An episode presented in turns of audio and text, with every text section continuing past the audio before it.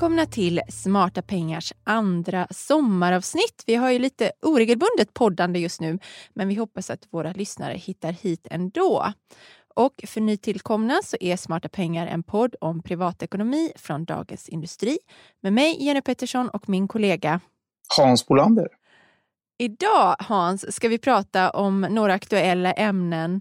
Det är kurssvängningarna i Hongkong och vad det betyder för svenska sparare om ett trendbrott på bostadsmarknaden, om det nu är det det handlar om, och även om rusande taxeringsvärden som kan skapa en rejäl avgiftschock för vissa villaägare tänkte att vi börjar med börsen. Det har ju varit väldigt turbulent på börserna i Kina den senaste veckan och framförallt då i Hongkong. Under måndagen och tisdagen den här veckan när vi spelar in den här podden så backade Hang Seng-index med sammantaget 8 Sedan rekylerade index upp igen i mitten av veckan men nu har det vänt ner här på slutet. Och vad är då bakgrunden till det här?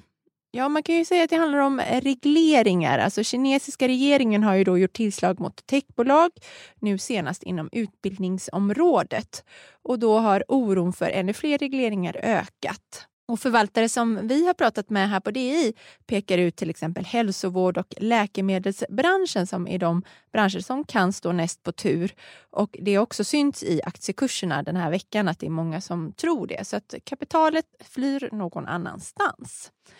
Och Vad betyder det här då för svenska fondsparare? Jag kollade på det där och eh, man har ungefär 17 miljarder kronor i rena Kinafonder och så ytterligare 63 miljarder i Asienfonder. Men sen så finns det ju tillväxtmarknadsfonder också så att sammantaget så har vi en del placerat i Kina, eh, Hans, eller hur? Och vad, vad tycker ja. du, vad ska man säga om den här turbulensen? För det första kan man säga att den kinesiska marknaden, vi ska komma ihåg att det är en diktatur. Vi kommer alltid se tillfälliga politiska ingrepp som, eh, som stör olika typer av bolag. Det får man vänja sig vid. Jag tycker en lärdom av det här är helt enkelt om man tycker att det är väldigt jobbigt om det är volatilt, vilket det är, så är det ju bättre med en Asienfond som är än en, än en Kinafond. Länder, enskilda länderfonder är alltid högre risk, så är det. Så att eh, Däremot ja, bland aktiefonder är det ju de som har oftast alltså hög, högst risknivå, alltså ja. sju. Det är ju för det är ju smalare fond desto högre risk helt enkelt. Exakt. Och det kan ju vara, vi har ju sett det där på Rysslands fonder också till exempel när det är politiska ingrepp eller, krig som faktiskt de har startat i Ryssland, då, då stör ju det också aktiemarknaden. Självklart. Där. Så att, eh, sen är det så här, ja i det här, eh, en del vill måla liksom Eh, fan på, på väggen så att det här är verkligen visar att det är helt opolitiskt i Kina. Det tror jag inte. Liksom. Den kine, kinesiska regeringen vill ju liksom ändå ha folket på gott humör och god ekonomi. Så att en del tror jag är det början på en recession, men det tror jag inte. Det har diskuterats det här med även eh, regleringar eller när det gäller barnafödande och sådana saker. Och att, nej, men jag, jag tror man får man får vänja sig vid så här kommer det vara i, om man ska äga kinesiska aktier och, och långsiktigt tro på att det, det ger tillväxt. Vad, vad, tänker du? Har du, har du en Kinafond själv till exempel? Eh, nej, jag hade en Asiefond som jag eh, faktiskt sålde i början på året. Ja. Eh, och, eh, för jag hade så många fonder, jag behövde koncentrera lite och eh, gjorde lite andra fördelningar. Men man kan ju säga att andra börser kan ju också svänga kraftigt, men då kan man ofta se att det är kopplat till resultat för en viss sektor eller i samband med kvartalsrapport rapporter eller kanske då om det kommer konjunktursignaler eh, som vi har sett här på sista tiden. Eh, oron för återhämtningen i världsekonomin eller det kommer någonting från, eh, från Fed i USA och så. Att det finns ofta eh, ute man väldigt tydliga förklaringar. Men det här med att, en, att staten kan gå in och ändra förutsättningarna för bolagen över en natt, det förekommer ju inte riktigt på mogna marknader och det är ju det som är liksom en skillnad mellan olika marknader. Och jag tycker det är absolut eh, har en plats i, i sparandet Kina och tillväxtmarknader brett. Och jag håller med dig om att det kan vara bättre att ha en bred fond. Och det såg man ju här då. De rena Kina-fonderna backade ju i början på veckan men 7-8 eh, procent och mer än det. Ehm, men, men de liksom, Asienfonderna låg ju kanske på hälften av det. Då. Så att då blev ju raset inte lika kraftigt utan då har man ju spridit riskerna lite mer. Men det visar ju på att det över tid kan det här vara ett väldigt bra sparande men det ska inte väga för tungt i portföljen. Vi snackar liksom 5-10 procent kanske på sin höjd för tillväxtmarknader, tycker jag. Vad tycker du? Ja, jag håller med. Alltså, och sen kan man i sig man kan ha mer än 10 procent, tänker jag också. Om man verkligen, men det är upp till, det är lite tycke och smak. Om man tror att eh, på lång sikt så kommer vi se en ökad ekonomisk tillväxt i Asien. Det, det tror jag liksom de flesta är eniga om. Men som vi ofta har sett så hänger inte det finns inga raka rör mellan börsutveckling och ekonomisk tillväxt. Det är så mycket annat som styr. Och man ska komma ihåg att även bolag i väst drar ju nytta av en växande ekonomi i Asien till exempel. Vi har ju massor av exempel på eh, både svenska och, och europeiska och amerikanska bolag som har en betydande försäljning i Asien. Så att vi drar ju nytta av den tillväxten ändå. Så att, ja, men där någonstans som du säger, 10 procent, när man kanske har 20-25, man har väldigt mycket Asien. Jag tror att vår kollega Henrik Mittelman, han har alltid varit en, en ruskig Asienförespråkare. Han har rest mycket och ser, han ser, eh, och, eh, så han är väldigt eh, taggad för det här. Ja, men och facit det har vi först om tio, tio år tror jag. om, det, om det har ja, dragit det med sig börserna upp. Så att, så global, som, som alltid så landar man i att en, en global fond kryddad med lite grejer, med lite specialfonder som man är intresserad av och följer är en klok fondspararstrategi. Ja, den återkommer vi till och den påminner vi gärna om just därför att det är väldigt bra att tänka så.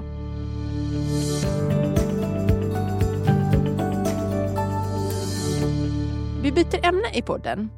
Häromdagen kom nya siffror från analysföretaget Valueguard som visade att deras huvudindex HOX Sverige föll med 0,5 procent. Det betyder alltså att bostadspriserna i Sverige backade för första gången på över ett år under då en enskild månad.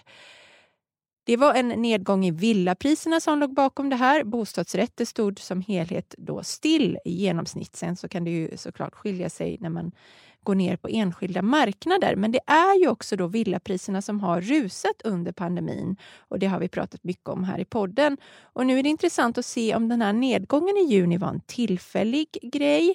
Men många mäklare och andra bedömare har ju uttryckt att man tror på en avmattning i höst. Vad säger du Hans om de här nya siffrorna? Jag tycker det verkar en, en rimlig tolkning också att det är just en avmattning och inte början till något prisfall att, vi, att det mattas av efter en otroligt långvarig och stark prisuppgång är inte konstigt för att någonstans sätter ju plånboken stopp också för hur dyra bostäder vi kan köpa, både plånboken och möjligheter att få låna eh, med amorteringskrav och liknande. Så att, eh, och det är ett riktigt ett prisfall det skulle ju främst vara om vi går in i, liksom, i någon typ av recession eller ekonomin blir väldigt mycket sämre eller såna här tillfälliga chocker i världsekonomin. Inget av det ser vi ju idag. Vi har, och, och tvärtom så hålls ju marknaden upp av låga räntor. De förväntas ju faktiskt vara låga under ett par år ytterligare, även om de liksom givetvis kan stiga lite på marginalen. Så jag tror att det här är just en, en, en ganska förväntad... En ny platå. Ja, en platå, absolut. Ja. Vad tror du Jenny, som är, du följer vet jag, Stockholms eh, bostadsmarknad mycket. Vad, vad, vad, tror du själv om villaprisutvecklingen och inte bostadsprisutvecklingen. Ja, nej, men det är väl helt rimligt att vi når en platå efter den här vansinniga uppgången som vi har sett. Och nu återgår ju också livet för många till en, kanske då en mer normal tillvaro till hösten när vi är vaccinerade och sådär. Så, ja, och om man kanske börjar lägga pengar på annat igen och inte bara fokuserade, tankarna går liksom inte bara till till till bostad och, och, sånt som är kopplat till boende utan man kanske börjar för, förbereda för resa nästa år och sådär. Så, så jag tror absolut att det här, eh, vi kommer inte se jättemycket mer eh, uppgångar men, och kanske lite nedgång fast i så fall på marginalen tror jag. Jag tror inte man behöver vara nervös om man just har köpt en dyr villa för vad som kommer hända. Jag tror eh, ja, för de flesta ska ju i alla fall inte flytta inom något år eller så om man just har flyttat till en villa. Så då tror jag att man kan vara helt lugn faktiskt. Nej, nej och tvärtom faktiskt kan man säga. Konjunkturen, den, är, den pekar ju väldigt brant uppåt i alla fall. Till, den ekonomiska tillväxten, visserligen från en låg nivå tar, har verkligen tagit fart. Det har vi sett den senaste veckan i siffror. När vi är inne på det här med bostadsmarknaden så tycker jag det är kul mm, att titta. Jag har tittat på vilka banker som har sugit åt sig mest av nyutlåningen hittills i år. För att vad vi har sett är ju att eh, tillväxten i utlåningen till hushåll har ju tagit fart i, liksom, i parallellt med den här prisökningen på bostäder såklart. Folk lånar helt enkelt mera. Så det ser man ju i ehm, eh, SCBs statistik. Och då kan man ju avläsa varje månad också hur, vilka banker som tar åt sig den här nyutlåningen. Då. Och då har jag summerat första halvåret. Jag tycker det är en ganska bra spegel på hur, hur bra bankernas verksamhet funkar. Det kommer ju liksom väldigt hårt tryck på den digitala utvecklingen. Eh, bostadsmarknaden har snurrat på lite snabbare och då folk kräver liksom, man vill ha svar snabbt från banken och vilka har kunnat leva upp till det och sådär. Eh, och det, är alltid intressant att se hur det går då för storbankerna. För de har ju byggt upp mycket av sin bolånestock under en tid när marknaden såg helt annorlunda ut. Och då har man ju också liksom idag ganska svårt, och framförallt Handelsbanken och Swedbank, att försvara de marknadsandelarna som man har haft tidigare. För det finns ju... men, men som grupp, Jenny, visst är det så att storbankerna är ändå den dominerande? De har väl megaparten ja, av... de har ju större delen av marknaden. Alltså Swedbank har 23 procent, eh, Handelsbanken 22 och så ligger Nordea och SEB på mellan 13 och 14 procent. Så totalt sett har de ju väldigt stor andel av ja. marknaden fortfarande. Och, eh, och de här förändringarna eh, över några månader, eftersom det handlar om så enormt stora bolånestockar och så enormt stora belopp, så även om de nu då tar mycket mindre än sina marknadsandelar av nyutlåningen så, så förändras ju inte de liksom, marknadsandelarna så, totalt sett så mycket eftersom det, rör, liksom, det, det är väldigt långsamma rörelser för det rör sig om så otroligt mycket pengar. Men det är ändå kul att se vilka, som, vilka, kunder, eller liksom vilka kund, banker som kunderna har valt under en viss period. Då. Och då är det ju så äh, faktiskt att SEB hade ett väldigt bra halvår. De tog mycket mer än sin, ett par procentenheter mer än sin marknadsandel. Eh, och medan Nordea också, det, Nordea gjorde också lite, lite bättre men, men Handelsbanken och Swedbank klarade inte att leva upp till 23 och 22 procent utan de låg på 17-16. Men vad tror du att det beror på då? Att, att de, här, de som kapar åt sig marknadsandelar, är det att de har, är bättre på att erbjuda bra räntor? Jag tror att de har varit snabb, mer snabbfotade, bättre. Många av de som kapar åt sig eh, marknadsandelar det är ju små uppstickare. Det är ju Länsförsäkringar, SBAB, Skandia. Danske Bank har ju varit en sån tidigare ja. som har växt varje år men nu har de haft ett katastrofalt halvår här. De har tagit bara min, mindre än 1 procent av nyutlåningen och de har en eh, en, en marknadsandel på 3,5, 3, någonstans mellan 3,5 och 4 tror jag. Eh, så det var ju ett väldigt dåligt resultat för dem. Men då pratade jag med mm, de, som är, den som är ansvarig där för privatmarknad och de genomgick en väldigt stor omorganisation i höstas som var klar någon gång vid årsskiftet. Och de eh, har minskat ner lite på personal i Sverige så de har liksom haft kapacitetsbrist. De, de, har sagt, de har sett en enorm efterfrågan som de helt enkelt inte har kunnat möta. De har inte Nej. kunnat hantera den, de har inte kunnat svara folk. Och då, då, och då slår det direkt. Alltså, om man då inte kan ge folk svar och inte hantera ansökningarna tillräckligt snabbt, då vänder sig folk någon annanstans. Det är, det är jättebra, det visar att marknaden fungerar. Vi har ju i åratal tjatat om att man ska utnyttja konkurrensen och, eh, och söka lån på olika banker för just för att få de bästa villkoren. Och, och det här tyder då på att marknaden fungerar. Mm. Sen är det intressant att se på de här eh, allra nyaste aktörerna på marknaden som inte är vanliga banker utan de är ju de här bostadskreditinstitut och eh, som har liksom en annan finansieringsmodell som kan finansieras via till exempel eh, pensionsbolag. Alltså man skapar fonder där olika investerare, då ofta institutionella investerare, kan, kan ehm, gå in och så Ja, och, och, så får man in pengar den vägen. Eh, och då finns ju, I Sverige har vi ju framförallt då Stabelo och Hypoteket är ju de två som har kommit igång. Det är väldigt många som har sökt om tillstånd men sen inte kommit igång för att man inte har löst sin finansiering. och så. Eh, och, eh, men den, den gruppen aktörer då, de växer ju, de, de har knappt procent av marknaden så de är ju jättesmå. Eh, 35 miljarder ungefär. Men de växer ju enormt snabbt. De hade en tillväxt på nästan 50 procent här i juni. Och det är ju där någonstans det har legat de senaste månaderna. Ja. Så det är ju väldigt intressant att se. Och nu kommer det in andra spelare där också.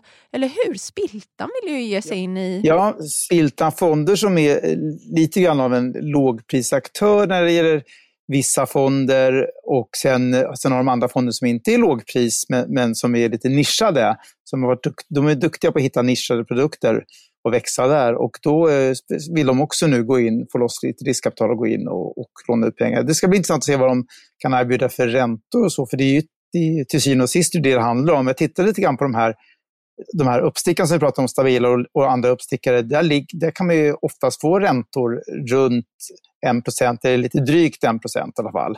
Eller vad de som ligger ute, de, deras rörliga räntor nu, eh, 1,2 och sådär tror jag. Så det är ju attraktiva räntor jämförelsevis. Men då ska man ju komma ihåg att du, eh, för att få lån hos de här aktörerna så ska du ha en väldigt låg belåningsgrad till exempel. Exakt. Jag tror inte att man får ha lånat mer än 60 procent av bostadens värde. Nej. Och det är ju inte alla som har möjlighet till det och framförallt inte nykomlingar på marknaden då, alltså på bostadsmarknaden. Nej, verkligen inte. Så att där är man ju ofta fortfarande eh, måste man vända sig till de mer etablerade aktörerna. För att, och det är ju det, är det som slår igenom de här genomsnittsräntorna också. Då. Det ser ut kanske då som att Swedbank och Handelsbanken och det och så har väldigt höga genomsnittsräntor men de har ju ett mycket större spann bland sina bolåne kunder. Ja. Så där finns det kanske också de som har 1,2 men det finns också de som har 2 kanske, eller inte 2 men 1,8 eller något. Ja, det finns definitivt mm. de som har fått ner jättebra attraktiva räntor hos storbankerna också. Det, mm. det, tycker jag, det, det, det, hör man ju ständigt från vänner och bekanta och sådär.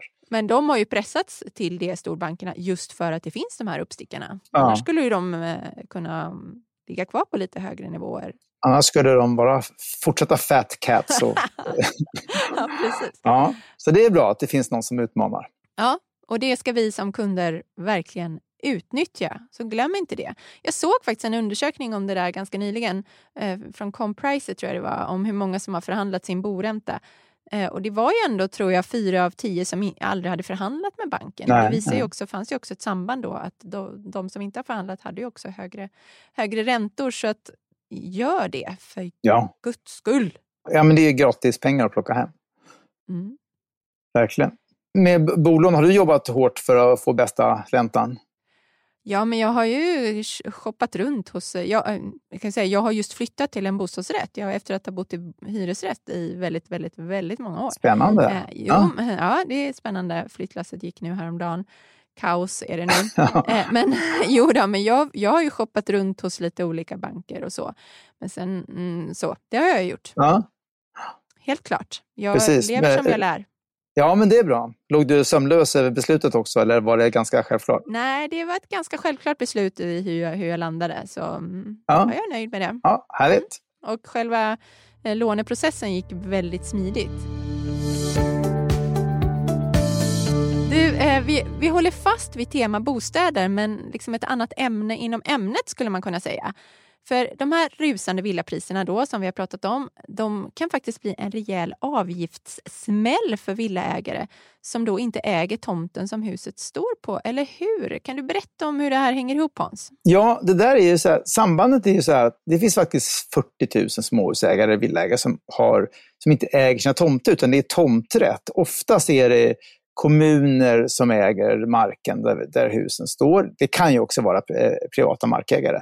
Och arrenden, man betalar ett arrende eller avgäld kan det heta också juridiskt och då tecknar man dem och så löper det på under ett visst antal år. Och sen så blir det när man vid varje ny fastighetstaxering som är vart sjätte år tror jag det är, jag ska inte svära på det, men i alla fall ny taxering. Då, då är det ett bra tillfälle för markägarna att då vill de gärna höja arrendet. Titta, nu är marken blivit dyrare, då måste vi ta lite mer betalt. Eh, och eh, ett exempel på vad det här kan hända som är att till exempel då i Älvsjö utanför Stockholm så är det en familj som har en helt normal stor villa, inget märkvärdigt. Men de betalar 20 000 om året. Eh, och nu har de fått eh, för, för, till, till, kommunen för den här marken. Och nu har de fått reda på att det ska kosta 38 000 från år 2026, för då träder en ny fastighetstaxering in. Hur mycket det blir, eller hur mycket det blir då i den taxeringen, det vet vi Eller det blir faktiskt redan 2024 som taxeringen eh, har ägt rum. Och den eh, styr till viss del, men de har, nu har redan kommunen här sagt att så här mycket kommer vi höja och det är ju nästan en fördubbling. Eh, och det där sker över hela landet och det är lite olika nivåer, men eh, så där, man kan säga att vad vi vet är ju att priserna har ju rusat som vi pratade om tidigare. Och då kommer ju även taxeringsvärdena att rusa. Så nya taxeringsvärdena som faktiskt, det är 2024 de börjar gälla och då 2022 års prisnivå bestämmer detta. Och så att om det nästa år inte blir något dramatiskt prisfall eh, fram till dess så, så kommer ju taxeringsvärdena höjas, skulle gissa i alla fall med 30-40 procent. Men det, det kan skilja rätt mycket från olika regioner. Det, är, det sker ju också, de sätts ju regionalt och så utöver det här då med den här avgiften som man betalar, det kan ju vara så att man vill köpa loss sin tomt också. Det måste ju också då bli väldigt mycket dyrare. Exakt, och där, det är verkligen pudens kärna. För om du ska, då vill ju många köpa loss och det är ofta kommunerna eh, villiga att släppa tomten. Eh, och då eh, stiger ju priset på tomten. Och då måste man låna. Så, att, så det här fallet som jag berättade om, den här normalvillan i Älvsjö, då skulle de köpa loss tomten för jag tror att det var typ 1,7 miljoner. Och, och då vill man passa på innan nästa höjning. För då kanske, kanske den kommer att kosta en halv miljon eller en miljon mer så att säga. Och då är problemet att ja, då sätter amorteringsreglerna, det beror på hur hårt belånad du är, men då kan det bli tufft med amorteringsreglerna. Då kanske du måste börja amortera det här maximala beloppet, 3 om året. Ja, man kanske är nere på under kraven för amortering och så helt plötsligt hamnar Exakt. man över. Då. Ja, mm. så det, det kan ju bli väldigt tufft. Frågan är om kommunerna är så pigga på att sälja nu då, när de vet att om två år får vi ut jättemycket mer pengar. Ja, Absolut. Det är, jag vet inte alls. Men det där är politiska beslutet tas liksom i, ska ju en fullmäktige egentligen ta hur, vilken policy de har och sådär. Så att, ja, så gäller den under en viss period. Ja, jag skulle, tro, jag skulle tro, men det är klart att tjänstemän kan ju alltid bromsa om de vill och en process, men det, det tror jag liksom inte. Men, men, eh, men, jag, men, man förväntar sig i alla fall att det kommer ändå en våg av ansökningar innan den nya taxeringen börjar gälla. Mm. Och innan de nya resten av det. Vi har ju sett, grejen är så att det här finns också på bostadsrättsmarknaden. Och då är det ännu större belopp. Det, finns, det har varit föreningar både i Malmö, och Göteborg och Stockholm. De har, alltså man chockhöjer tomträtterna för de här bostadsrättsföreningarna. Och så säger man, ja men gillar ni inte det, säger kommunen, så varsågod och köp tomten. Problemet är bara att tomterna kan då kosta flera hundra miljoner om de ligger centralt i stadsmiljö det är väldigt få föreningar som kan ha de pengarna eller har möjlighet att låna ens de pengarna. Så att, och de sitter lite grann i en rävsax. Där kan man säga att de, vissa föreningar har varit gynnade har under väldigt många år, eller kanske lite orättvist väl gynnade då av väldigt låga avgifter till kommunen. Så att det kanske speglar ja. någon slags rättvisa ändå. Exakt, men jag tycker det, det har du helt rätt i. Och, eh, jag tror att ett rimligt krav däremot som har förts fram från bostadsrättsbranschen är att man vill ha årlig uppräkning av de här istället för att 10 och 20 år. Så att nu löper det här och så 10-20 år, för då, då är det många föreningar som inte, det är ju styrelserna som kanske inte tänker på det här och tar höjd för det. Men om man då en årlig låg uppräkning så kan de ta in det där i sin budget och planera för det. För det är ju fullt rimligt att man då betalar en hyra för marken. Det är ju ingen som ifrågasätter. Det är, det är snarare bara nivån på det hela. Så att, eh, och modellen för att göra det då? Ja, exakt. Mm.